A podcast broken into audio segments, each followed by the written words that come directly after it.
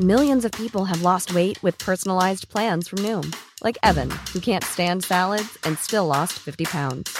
Salads, generally, for most people, are the easy button, right? For me, that wasn't an option. I never really was a salad guy. That's just not who I am. But Noom worked for me. Get your personalized plan today at Noom.com. Real Noom user compensated to provide their story. In four weeks, the typical Noom user can expect to lose one to two pounds per week. Individual results may vary.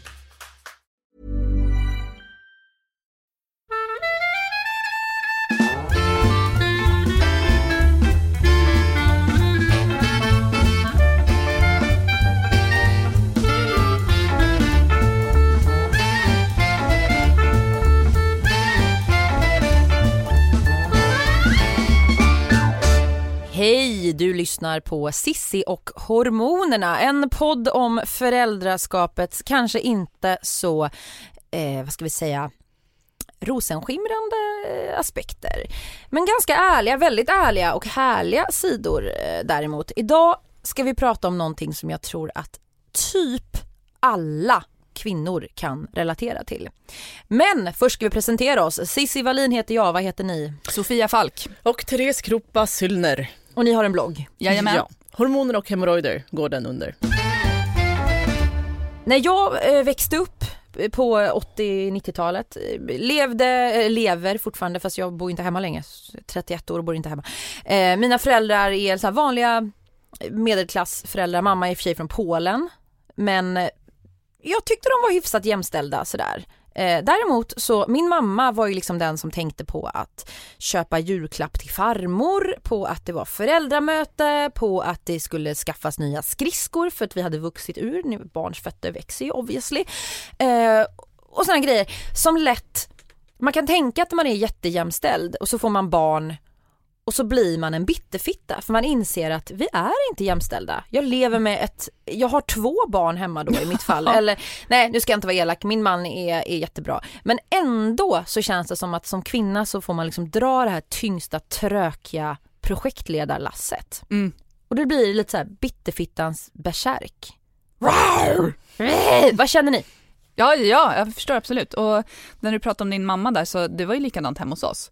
Mm. Och är likadant hemma hos mina föräldrar, för att pappa ligger alltid liksom 10-12 steg efter. Och så när han kommer på att, ah, men det där måste göras, nu måste vi skruv, laga någon skruv. Du kan inte ens komma på vad man säger, nej jag måste köpa en ny jordfräs, det gör man ju jätteofta.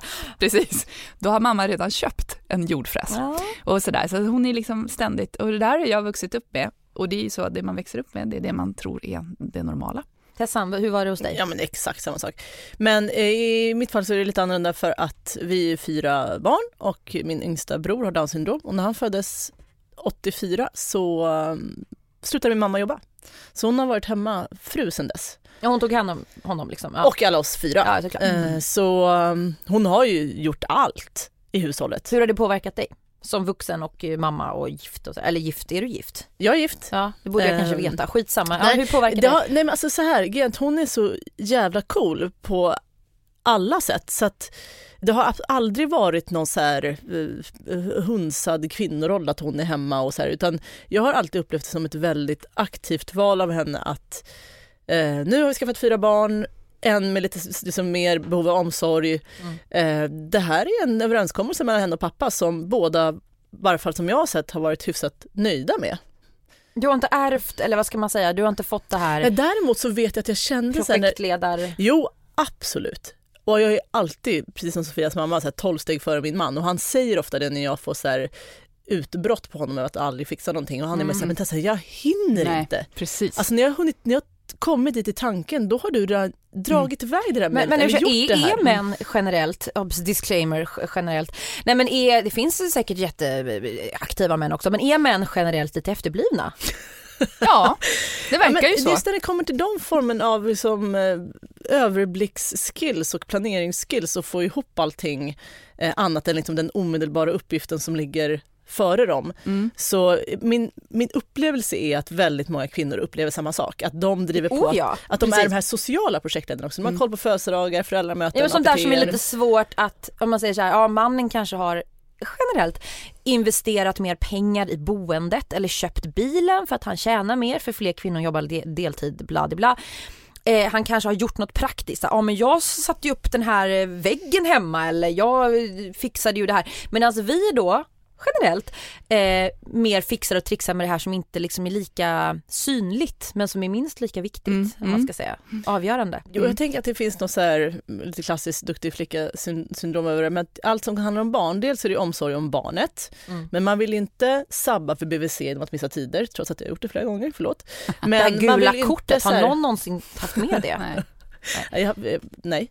Eh, Men också så här, jag vill inte inte ha med ombytningskläder till dagis för att jag vill inte vill att de ska frysa och jag vill inte liksom missa ett föräldramöte, jag vill inte komma för sent till hämtning för att man inte vill göra andra besvikna. Men Liksom. frågan är, Mm. tänker din man likadant? Har han samma oro att så här, vad ska de tänka på förskolan om jag inte har med mig det här eller om jag inte tänker på det här? Eller är det bara du som går och, Nej, och alltså, nojar? visst- nej, och nu måste jag faktiskt säga, min, min man också Johan, han är superbra på att hålla koll på mer, men också efter att jag sagt att nu får du faktiskt hålla koll på det. För att, Efter att du har uppfostrat honom? nej, men sagt att de, de här grejerna vill jag att du håller koll på så vi får dela upp lite. Eh, och det är inte att jag går runt och oroar mig för vad de ska säga på förskolan, men jag känner att så här, man vill ju ge- dem bra förutsättningar för att göra ett bra jobb. Jag vill inte liksom sabba för folk. Liksom. Nej. Och därför måste man hålla reda på alla de här sakerna som man ska uppfylla. Men hur var det innan ni fick barn? För om vi backar lite Mm. Sofia, jämställdhetsaspekten. Mm. Kände du och din, din snubbe att så här, åh, vi, vi är ju på helt, vi är på det torra, vi lever ju jättejämställt. Nej men det var väl samma sak där, eller då, att var, eh, jag var mycket mer före honom i det mesta. Eh, men då blev inte konsekvenserna lika stora. Eh, för att då, vi, i och med att vi inte måste ta hand om någon som är så i sånt behov av omhändertagande som ett barn. Nej, så att det, då, men absolut, det var ju sådana här saker som att jag tänkte kanske på att hans, eh, ja, kommer ihåg att din syrra fyller år på lördag, vad ska vi köpa till henne och sådana saker. Så du visste Ja. lite vad du gav dig in på? Det gjorde jag, men jag, sen är det ju så svårt att veta hur, hur pass mycket och sådär, liksom, vad som skulle hända. Eh, det här låter lite, jag hänger ut mina stackars ex men det kan de gott ha. Jag har ett minne av ett ex, eh, vi var länge sedan, men vi, eh, vi skulle åka på en, hans eh, lilla syster skulle ta studenten.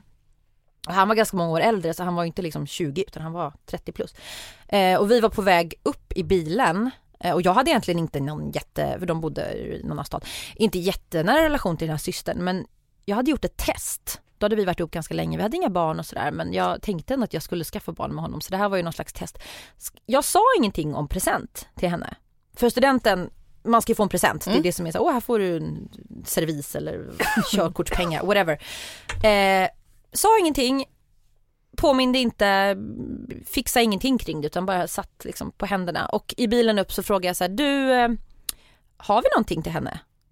Nej! Fan det har vi inte! Och då var vi på så här E4 någonstans. Så, och vi skulle liksom vara där om en och en halv timme. Så att han får köra in och jag bara satt där och njöt, jag kände mig så sadistisk. Men han fick köra in på någon mack på riktigt, ta ut så här en 500 och köpa en Aladdin-ask. och något så kort med någon blomsterkorg för de hade inga liksom andra kort på den här macken. Och fick jag sitta och skriva i bilen så här skakigt så här, "Eh, grattis eh, från oss. Och, Vad fick du skriva också? ja men han körde i och för sig så det var Men annars är det en Ja. klassiker också. Att tjej, Ja jag skriver jättefult så det är ingen skitsamma. Men, men eh, det, för, för mig var det också så här, shit, det var inte därför det tog slut sen. Men det var så tydligt att, hur- ska det vara så här nu? Hur, hur kommer det bli sen om vi får barn? Låter jag, eh, tyckte ni jag drog på för stora växlar eller var det rimligt Nej, men det är väl en så? rimlig reflektion i alla fall. Jag fick vi inte barn och så gjorde vi slut men jag kan nog ändå säga att min nuvarande snubbe är mycket bättre än, den relationen är mycket bättre nu än vad jag hade då eh, med min nuvarande men jag kan fortfarande känna så här att det är jag som tänker på grejer mer än vad han tänker på grejer. Mm. Sen tycker väl inte han att vissa saker som jag tycker är viktigt, Mm. Vem har rätt? Ja men exakt. Och är det- jag bara bitter eller är han smartare än mig på det sättet? Ja och så här, går du och nojar över saker som han inte ens tycker är värt att tänka på. Där är det också Mm. svårt att veta vad du tycker är viktigt Mm. eh, mot vad han känner sig, men det där är ingenting jag ska grubbla på, det blir som det blir. Liksom. Men det blir ju ofta om man säger det här patriarkatet, som det så faktiskt fint heter, att kvinnans reaktion och känslor är ofta så här förminskade. Att ja, men du är hysterisk och du är överanalytisk och Mm. du är, medan mannens reaktion är liksom rationell och rimlig. Mm. Är inte det helt galet? Jo, att det är vi stört. alltid ska vara de hysteriska, det händer ju, det är klart det finns hysteriska fruntimmer som det heter. Men det kanske är mer snubbarna som ska tagga upp än vi som ska tagga ner. Men en sak som Eller? jag ofta tänker på när vi pratar, eller när man pratar om sådana här saker eh, med hemmets projektledare och så vidare är att det missförstås att det blir sådär att man säger att min man eller ja, men jag, är, jag gör ju minst lika mycket som du gör och jag gör ju det och det och allt det där. Men det handlar inte om det, liksom att utföra själva grejerna utan det handlar, det vi pratar om här, det är ju liksom att tänka. Att ha det här bläckfisk... Ja, eh, precis, Minority Report-seendet. Och liksom vet- Nej det är en helt annan film, skit i det. Buttplug-effekt. Vi kommer alltid in på porr i den här podden, det är lite det som är vår Porrpodden. sido, sido, sidospår. Eh, exakt, var var vi någonstans? Jo, men att vi, det, det, det är Ja. det här liksom att ha, att ha allting i huvudet. Det är inte att liksom att hela tiden, nej vad skillnaden är ju då att, Ja, men det tar ju mycket Ja. mer energi att Ja. bolla och trolla allt i huvudet och få det att liksom Mm. platsa än att få en uppgift som man utför. ja. Absolut, där är den eh, generella skillnaden. Och det där blir väl en ond cirkel, att kvinnor ofta känner att oj vad jag fick eller tog eller ofta kanske fick den här rollen. Inte att någon har sagt här får du den men att man, man får barn och så vaggas man in i de här rollerna. Så sitter man där plötsligt med två ungar och bara så här, varför blev jag någon slags eh, koordinator, eh, ekonom, eh, key account i det här hushållet. Liksom. Medan min snubbe mest så här är skön och leker med barnen på sina villkor. Eh, hur Ja. blev det så? Ja, hur Är- blev det så? För det tror jag många, det är inte att det händer att man så bestämmer sig för att eller att någon ond människa i ett förhållande bara ha nu ska du få ta hela den här biten utan det bara blir för att man har, man kan de rollerna eller? Ja, och sen så tror jag att man är, ja, man är omgiven av liknande relationer bland vänner och bekanta. Så det, det är så, så det verkar vara. Så det krävs lite mer aktiva Men val. framf- ja, framförallt återigen alltså att man snackar om, om det hela tiden. Vad, vad som, ja, men nu har jag fått tänka ut det där och nu har jag fått tänka ut det där. Du sitter och, fingrar på en bok Tessan, lämpligt. Vilken är det? Ja, det är Gissa. boken, precis, gissa. Det är eh, Bitterfittan av Maria Sveland. Eh, högaktuell för den eh, tangerar ju precis samma eh, områden som vi pratar om. Ja, den kom ju för några år sedan. Den blev jätteomskriven, jätteaktuell, eller är fortfarande jätteaktuell. Om man inte har läst den, vad handlar den om? Kort. En, eh, säga, en, en kvinna som eh, har nyligen fått barn eh, och är trött på hela skiten, åker till Kanarieöarna tror jag att det är och sitter och begrundar sitt liv. Och är bitter. Jättebitter på Kanarieöarna. Mm. Man behöver kanske inte åka till Kanarierna för att vara bitter. Man Nej. kan vara bitter och jag tror också man kan vara lycklig i, ett, det är väl ganska relativt lycka, men man kan vara lycklig i ett, en tvåsamhet Mm. eh, och ha barn och allting och bitter samtidigt. Det ena behöver inte ta ut det andra, eller? Eller är bitterheten en dödlig drog som, det här trodde jag inte komma i min mun, men som Ulf Lundell säger. Jag ska inte citera Ulf Lundell i den här podden, det blir liksom som att skjuta sig själv i huvudet.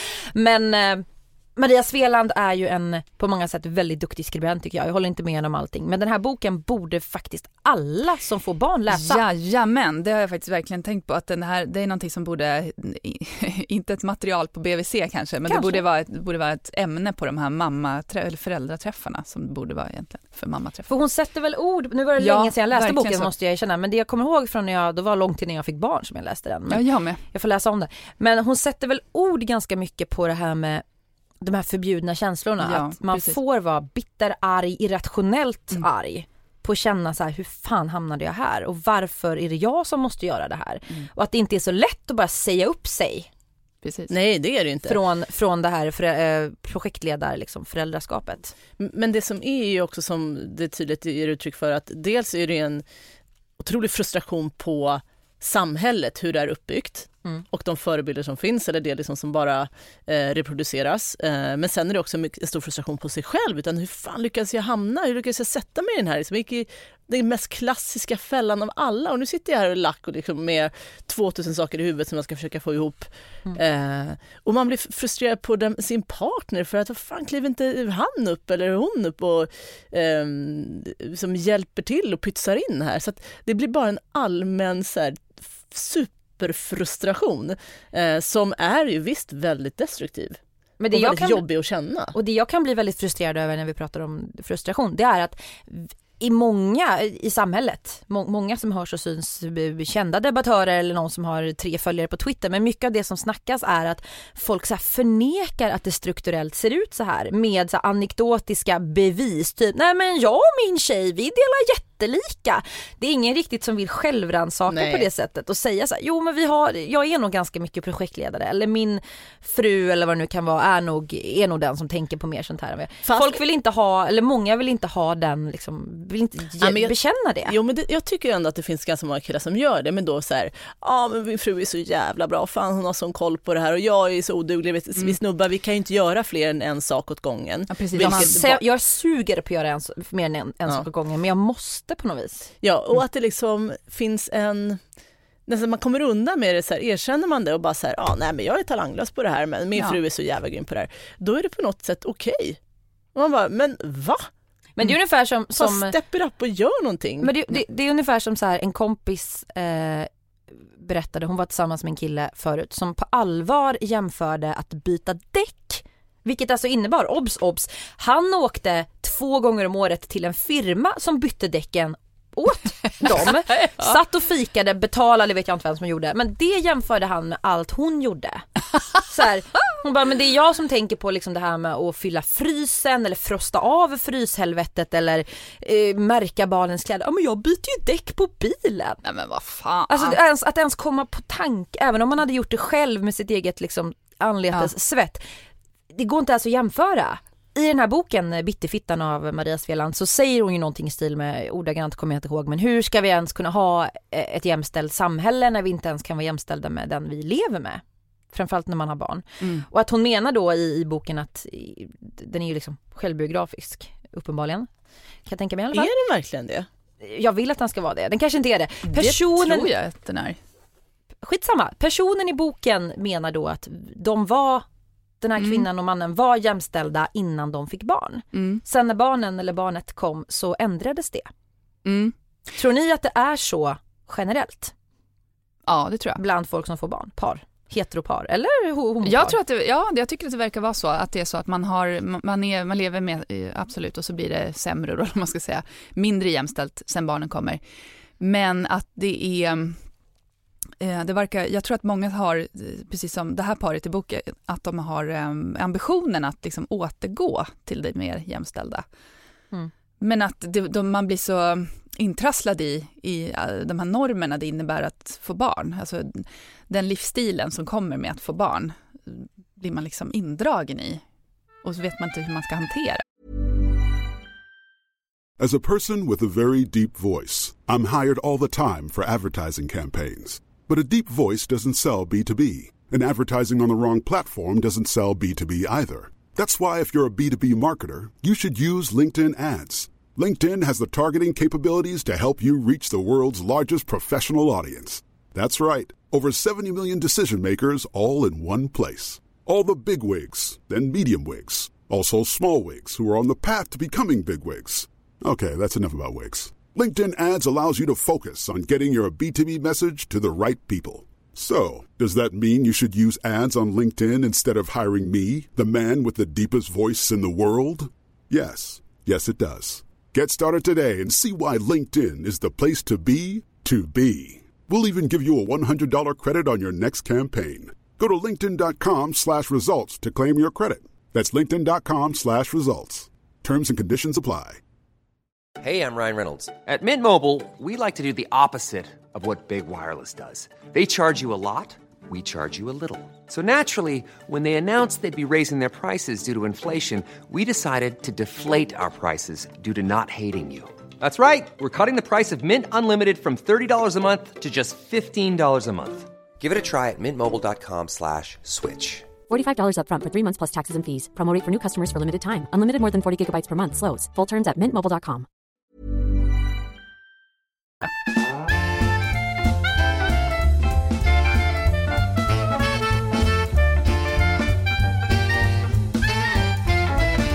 hur, hur har, så här, det har varit situationer när man har känt, eller ni har känt att shit vad det här är typiskt eh, könsroller eller varför, varför har vi hamnat här men nu gör vi det ändå för att det är lättast? Alltså det mest konkreta är väl just om man ammar, att man är väldigt fast i det liksom. Och det, är väl ofta, alltså det är självvalt att amma, men då blir det också att den perioden så är det ju, är man ju tvungen till att liksom finnas där kroppsligen i mycket större utsträckning än vad en, Mm. en, en kille eller den som inte ammar. Ehm, och där minns jag att jag kände en superfrustration i just att jag kände mig så otroligt låst. Samtidigt så hade jag ju valet att inte amma och eh, mata med ersättning, då skulle Johan kunna göra det. Eh, men jag var också så, så här, klamrade mig fast vid att det var så man skulle göra. Mm. Så att jag tänkte att där får jag bara finna mig och vara sjukt frustrerad och sjukt avundsjuk och det var så jävla jobbigt att känna att jag var så avundsjuk på Johan som bara Var fick gå bitter? till jobbet. Alltså jag vet inte, jag skulle inte säga bitter eller det kanske jag var, jag var frustrerad mer. Sjukt frustrerad över att Johan kunde gå från det där dårhuset av så här kolikvrålande ungar och så här äta lunch med sina kollegor. Jag kunde vara så här, jag vill inte ens höra. För jag satt där och bara skulle ta hand om den där lilla skrikgrisen. Mm. Så att ja, nej det var... Och jag upplevde för första gången från det att jag blev gravid att nu är det första situationen i mitt och Johans Mm. förhållande där han inte kan förstå mig. Det var samma hos oss. Det Att var här, så. Det ja. blev direkt liksom som att vi gick åt, eh, åt varsitt håll. Du ammade eller? Jag ammade inte. Men inte, du, inte något du menar när du var gravid? Ja, precis. Ah, okej. redan, redan då. Liksom. Och ja, precis den här känslan av att min kropp blev liksom tyngre och tyngre. Mm, Ja men gud, det kan jag känna igen. Mycket som liksom allt som händer när man blir gravid. Medan Magnus liv fortsatte ja, hyfsat som vanligt, för, i och med att han inte behöver liksom, lära sig så mycket. Nej men för innan. dem är det ju eh, ofta så att det, det är på BB när de Ja, får en liten exakt. person så här. Mm. Jag hade ju en asjobbig graviditet och Linus gjorde väl sitt bästa för att stötta och så här, men jag kunde ju känna att han så här, intellektuellt kunde förstå hur jobbigt det var. Mm.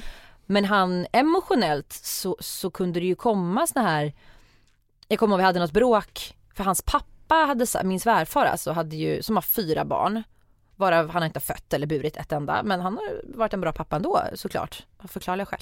Men sa till mig att, ja men gravid, alltså han sa det där som man inte ska säga, graviditet är ingen sjukdom. Och Linus liksom höll, nej han höll inte med men det var tyst så här med, han borde ha sagt nej det är på något sätt tagit mig i försvar och jag var så hormonell och så här. Och där hade vi någon slags tjafs om, eh, ja men då kände jag så här, han förstår inte det här.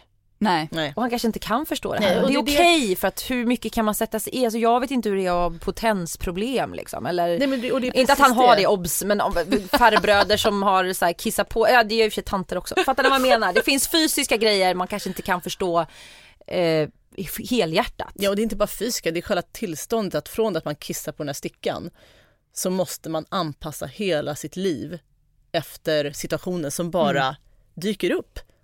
Visst, man kanske har pl- planerat eller försökt, men fortfarande när man kissar på den här stickan och får ett plus och man bara slås av insikten att okej, från det och idag, vin ikväll. 40 veckor framåt så är liksom tideräkningen i veckor till dess att jag ska föda ett barn och då har man ju ingen aning om i första barnet vad som händer efter förlossningen.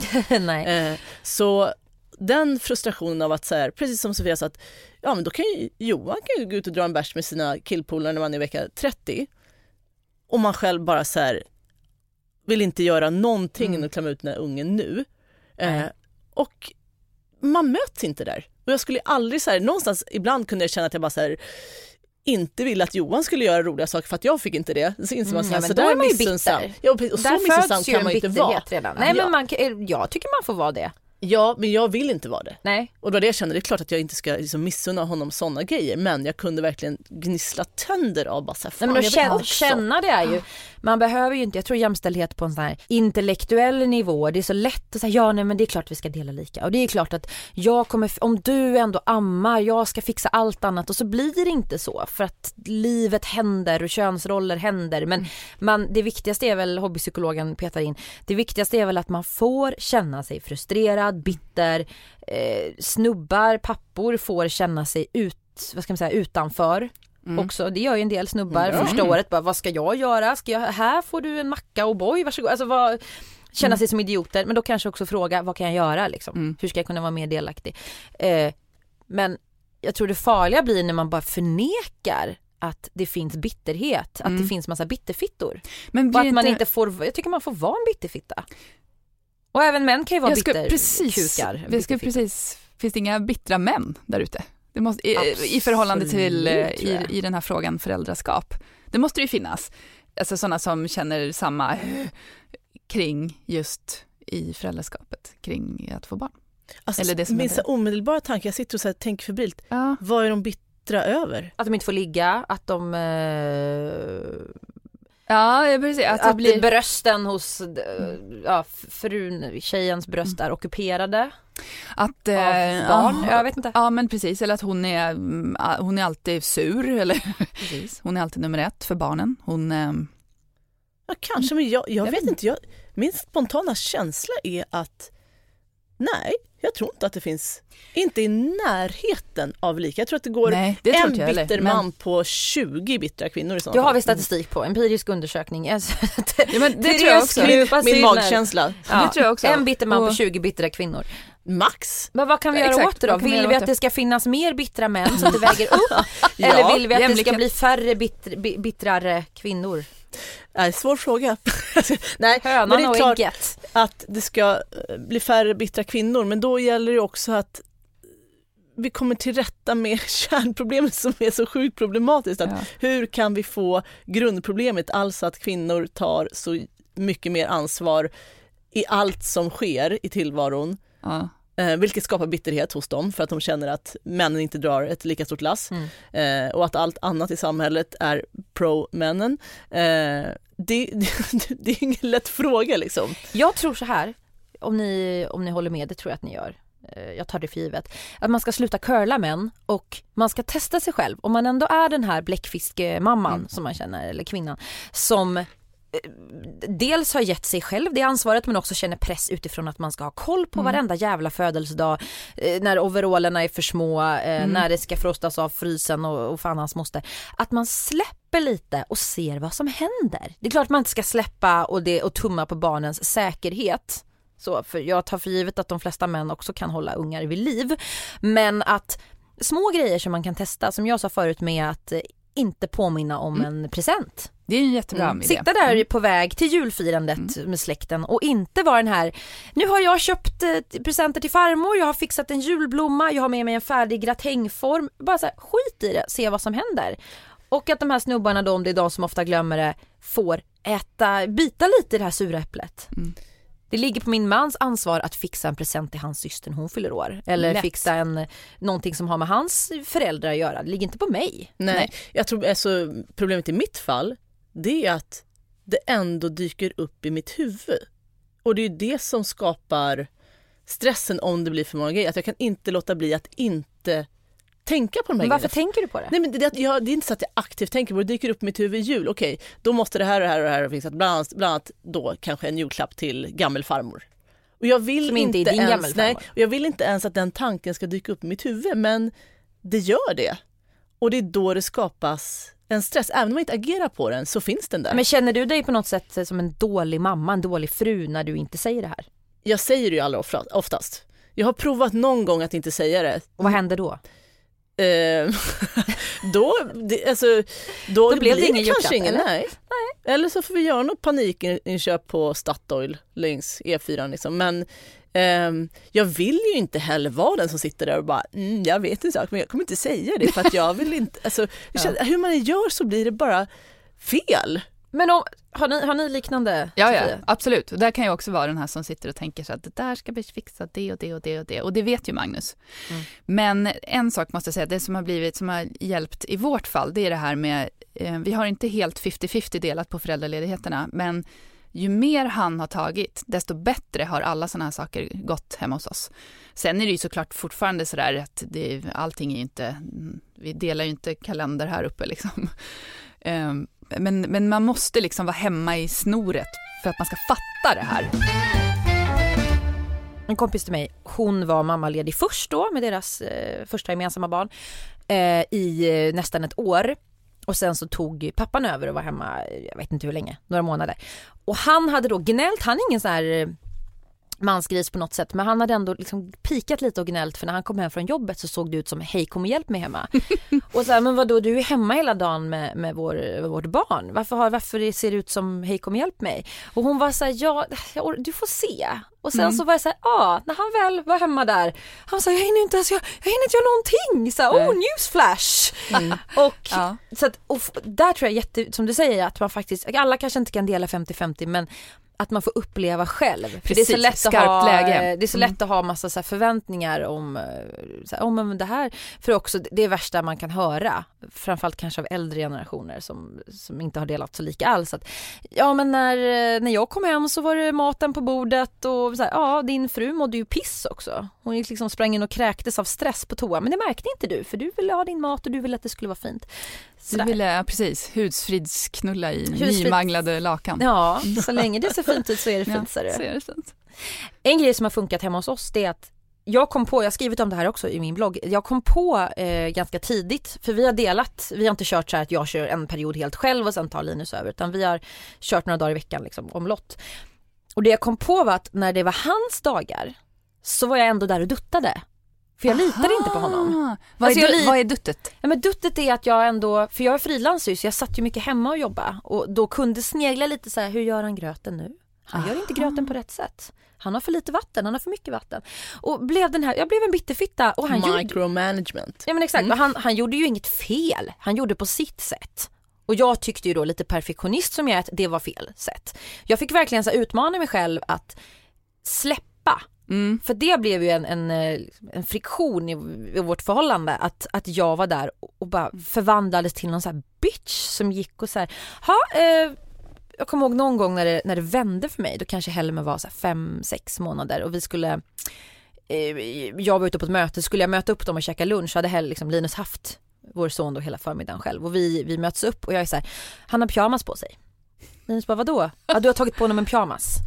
Och det var så här, jaha hur ska han kunna, så här, ärligt, en pyjamas ser ut som en one piece, det är samma sak liksom. Men då, då lackade jag över att han hade satt på vårt barn en pyjamas. Det där tror jag jättemånga kommer känna igen sig i. Och då det... känner jag så här, men vad spelar det för roll? Vad spelar Skitsamma. Mm. Men det är ju verkligen så. Men det där tror jag faktiskt, och det måste man faktiskt som då, om det är vanligast bland tjejer, vilket jag tror att det är, ja. där måste man faktiskt skärpa sig som tjej. Jajamän. Det, alltså det, är, ja. Att hålla på, så jag skulle bli galen ifall Johan pillade i det jag gjorde när jag faktiskt inte gör något regelrätt fel utan precis som du säger, jag gör på mitt sätt. Och att vara där som, som, då, som mamma och kvinna och börja peta i och kommentera på en person som kanske har varit mindre tid med barnet, kanske känner sig lite osäker. Alltså det är som att vara en riktigt dålig chef som är där och så här rackar ner ja, det, på Jag skulle inte säga något konstruktivt, det kommer Nej, inte göra alltså det där, bättre. Och det, där ser man också så otroligt ja. mycket av och jag blir galen när jag ser det helt ärligt, för jag tycker det är så otroligt oschysst. Och jag har också fått bita mig själv, själv i tungan flera gånger men jag har verkligen, det gick jag in för väldigt tidigt att så nej jag ska inte vara där och peta i det Johan gör. Han får göra på sitt sätt så länge inte liksom, han frågar om någonting, om han undrar. Eh, eller liksom om jag ser att nej men fan nu blev det ju riktigt galet. För vad spelar det för roll om man har pyjamas eller inte? Men sen kan man ju tänka själv och, och diskutera så här Eh, vad vet jag, parterapi eller, eller varför har vi de här rollerna och hur kan det påverka dig och mig och vårt förhållande och så här. Men vad gäller en vardagssituation så tror jag så här, välj sina strider eh, och för mig, det, det enda som funkade för mitt kontrollbehov det var att gå hemifrån. Att ta med mig datorn eller vad jag nu gjorde, sätta mig någon annanstans. För jag kunde inte vara hemma för då var jag där och petade. Mm. Jag klarar inte av det och jag mådde så jag kände mig som en, eh, jag kände mig som en riktigt usel bitterfitta. Inte ens en lite sån charmig bitterfitta utan bara någon som var arg hela tiden. Mm. Mm. Och det är ju inte någon glad. Nej, Nej. då blev det mycket husfridsknull kan jag säga. När du gick hemifrån, fick du skuldkänslor då? Ja, du... gud. Ja, ah, då ska jag läsa här i boken. Läs, högläs, veckans Prata boktips. På så ska jag... För det här tyckte jag hon satte ord på så himla bra.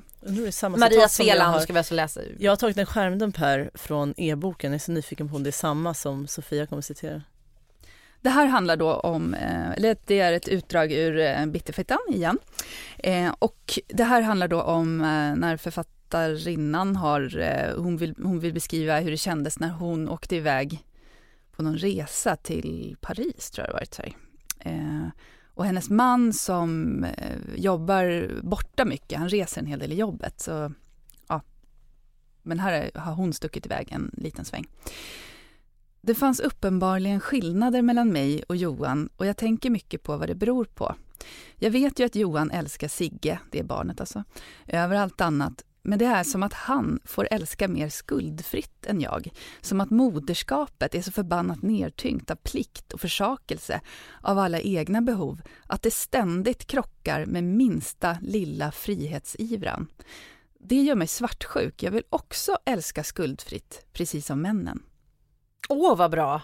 Hon är jätteduktig på att skriva. Det vill jag tatuera. Ja. Men det där, eller hur Tessan? Ja. Hon sätter ju ord på någonting där. Det är skuldfria, älsk, Ja, för vi har, läst, vi har läst den här eh, oberoende av varandra och den skärmdump jag har tagit på min telefon från e-boken är precis samma citat. Va? Som nej, great minds! Ja, och fortsättningen är det här, det gör mig svartsjuk. Jag vill, nej, precis Sofia läste, jag vill också älska skuldfritt precis som männen.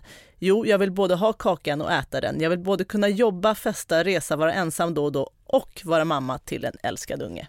Och jag tycker att det ringar in på något sätt situationen så otroligt bra. Att det är liksom på något sätt essensen i att där någonstans finns olikheten i att eh, även som förälder så är det en skillnad på hur du känner den här kärleken till ditt barn. Att för mannen är den skuldfri och för kvinnan är den skuldtyngd, generellt sett. Du har lyssnat på tredje avsnittet av podden Sissi och hormonerna. Nästa vecka är vi tillbaka såklart. Då snackar vi om backstabbing bitches, alltså kvinnor som hatar kvinnor eller mammor framförallt som gärna pikar andra mammor. Är det ett fenomen eller är det mest en myt? Häng med oss då. Tack för att du har lyssnat idag.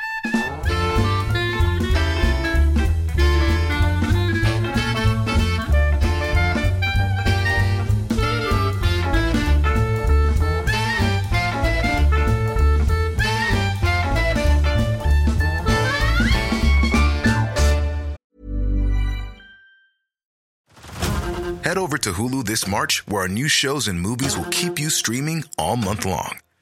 Catch the award winning movie Poor Things, starring Emma Stone, Mark Ruffalo, and Willem Dafoe. Check out the new documentary, Freaknik The Wildest Party Never Told, about the iconic Atlanta Street Party. And don't miss FX's Shogun, a reimagining of the epic tale, starring Anna Sawai. So, what are you waiting for? Go stream something new on Hulu.